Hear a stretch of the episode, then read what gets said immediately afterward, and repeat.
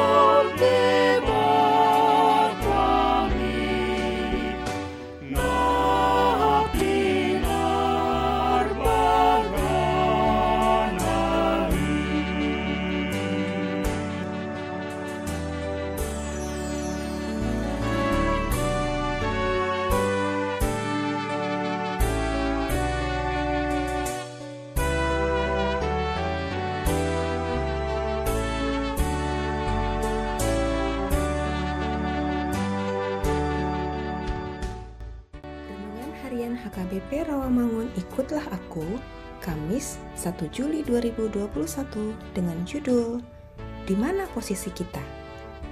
Bacaan kita pada pagi ini tertulis dalam Yeremia 7 ayat 1 sampai 15 dan bacaan kita pada malam ini tertulis dalam 1 Korintus 4 ayat 8 sampai 13.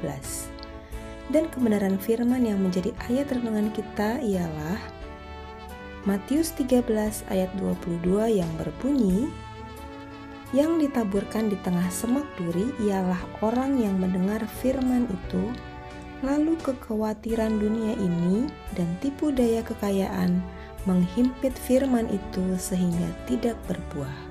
Demikian firman Tuhan. Tanpa terasa, kita sudah mencapai pertengahan tahun 2021 dan Nats hari ini diambil dari perumpamaan tentang seorang penabur.